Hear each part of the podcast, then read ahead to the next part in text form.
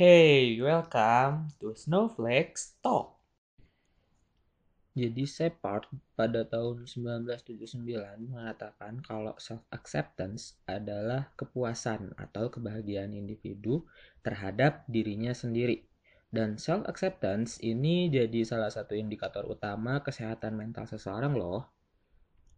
Terus self-acceptance juga meliputi pemahaman terhadap diri sendiri secara subjektif tapi realistis kesadaran akan kelebihan dan kekurangan yang dimiliki dan hasilnya.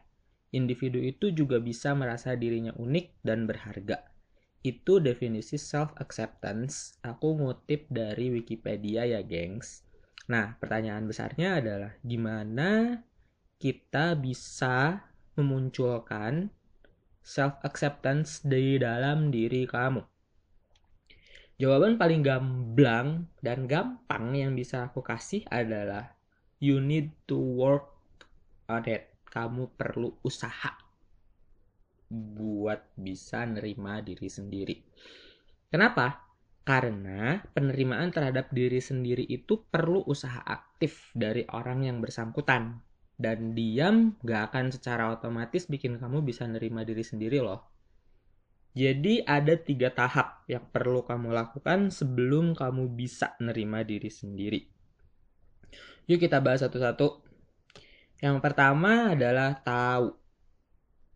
Setiap orang punya kebiasaannya masing-masing. Gak jarang ada satu atau dua kebiasaan yang bisa bikin lingkungan sekitar ilfeel. Misal kayak kentut sembarangan, ngupil di muka umum, atau bahkan suka keceplosan ngomong jor ketika kaget biasanya karena malu ngakuin punya kebiasaan unik, terus dianggap aneh sama lingkungan sekitar, orang terkait itu enggan atau malah menyangkal dia punya kebiasaan-kebiasaan unik itu. Tapi diinginkan atau enggak, pada waktunya ketika misalnya dipicu dengan stimulus yang sesuai, ya kebiasaan itu bakal otomatis keluar juga sih. Misalnya gini, kalau misalnya kamu punya kebiasaan ngomong jorok pas kaget, diinginkan atau enggak, disadari atau enggak, setiap ada yang ngagetin, pasti kamu ngomong jorok. Titit, eh titik. Nah, hal yang penting yang perlu dinotis di sini adalah nggak ada yang salah sama kebiasaan unik kamu itu. Sama sekali nggak salah. Kalaupun ada masalah, itu karena kamu belum bisa nerima apa yang orang lain lakuin ke kamu dengan kebiasaan unik kamu itu. Jadi, sebenarnya sih kalau kamu nggak punya masalah sama kebiasaan itu, mau dibully tujuh hari tujuh malam atau bahkan sampai tujuh turunan pun kamu nggak akan ber apa namanya kayak itu nggak akan ngaruh besar di kehidupan kamu. Nah, jadi langkah pertama buat bisa nerima diri sendiri adalah tahu gitu. Kalau diambil dari contoh di atas sih ya, kamu tahu kalau misalnya kamu punya kebiasaan ngomong jorok ketika kaget itu. Terus kamu tahu dampak yang kamu terima pas kamu ngomong jorok itu. Terus kamu tahu perasaan apa yang muncul ketika orang-orang ngetawain, ngolok-ngolok, nyinyir, bully dan sebagainya. Nah, jadi kamu tahu segala hal terkait kebiasaan itu dan kamu tahu gimana cara respon kebiasaan itu sampai kamu kayak bisa dapet feel kamu tetap enjoy dan kamu tetap nyaman. Sekalipun banyak orang-orang yang ngerjain kamu dengan ngagetin kamu dan kamu secara otomatis bilang jorok semakin kamu nger semakin kamu tahu semakin bagus. Karena itu jadi syarat buat masuk ke tahap 2 ini nggak cuma tentang kebiasaan unik ya gengs. It's almost about everything related to you. So kamu perlu ngusahain itu kan? Nah tahap kedua. Tahap kedua adalah ngerti setelah kamu tahu luar dalam tentang kebiasaan ngomong jorok yang kamu punya pas kaget itu, kamu bisa ngerti kenapa kok kamu bisa sampai punya kebiasaan itu. Kamu juga makin ngerti gimana respon yang perlu kamu kasih ke orang ketika banyak orang yang malah nyengajain buat ngagetin kamu or gimana cara respon orang lain ketika dia malah ngebully kamu dan gimana cara antisipasinya biar kamu tetap bisa stay cool or paling enggak tetap bisa comfort? Dan gimana caranya biar kamu bisa ngekondisiin si kebiasaan ngomong jorok ini nggak sering-sering muncul gitu?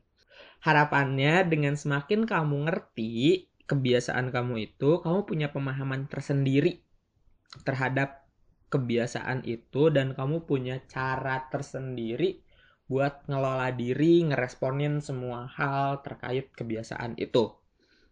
Nah, proses pemahaman terhadap kondisi itu, kondisi di mana kamu dikagetin, terus kamu secara nggak sadar misalnya ngomong kontol atau misalnya apa kayak gitu yang apa namanya memicu kamu buat ngomong jorok itu akan lebih mudah ketika kamu tahu gitu loh. Kamu tahu tentang kebiasaan ngomong jorok itu.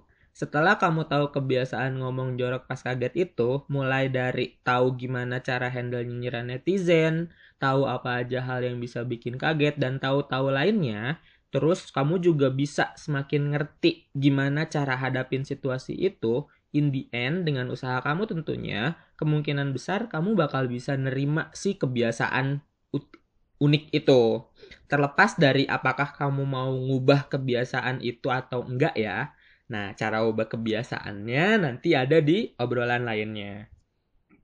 Masalah waktu, gengs. Proses nerima kebiasaan ini nggak ada batas waktu pasti. Bisa jadi semenit, sejam, sehari, setahun, sedekade, or even seumur hidup. Durasi penerimaan kebiasaan ini tergantung sejauh mana kamu tahu dan ngerti tentang hal yang mau kamu terima dari hal itu. Semakin banyak kamu tahu dan semakin banyak kamu ngerti kondisinya, ya bisa semakin cepat dan begitu pun sebaliknya. Susah banget gak sih kayaknya?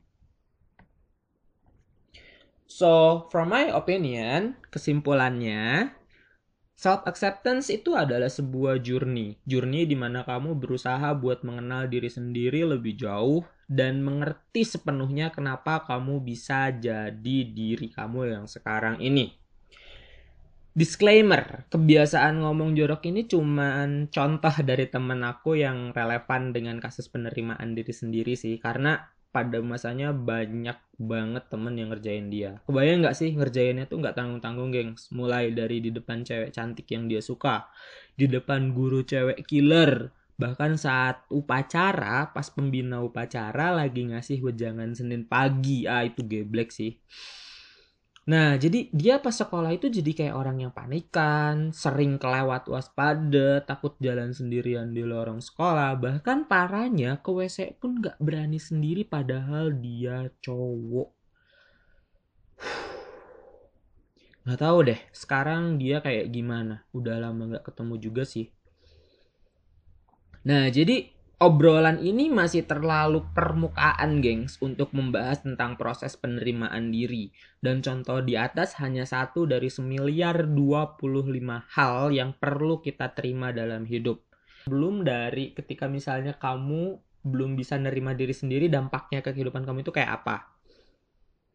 Nah, in the end, akhir dari proses penerimaan diri ini adalah kehidupan nyaman dan damai Terus kira-kira berapa ya harga yang pantas agar kamu bisa ngerasa hidup nyaman dan damai di dalam lingkungan yang sama sekali nggak memperhatikan or memprioritaskan kenyamanan dan kedamaian hidup orang lain.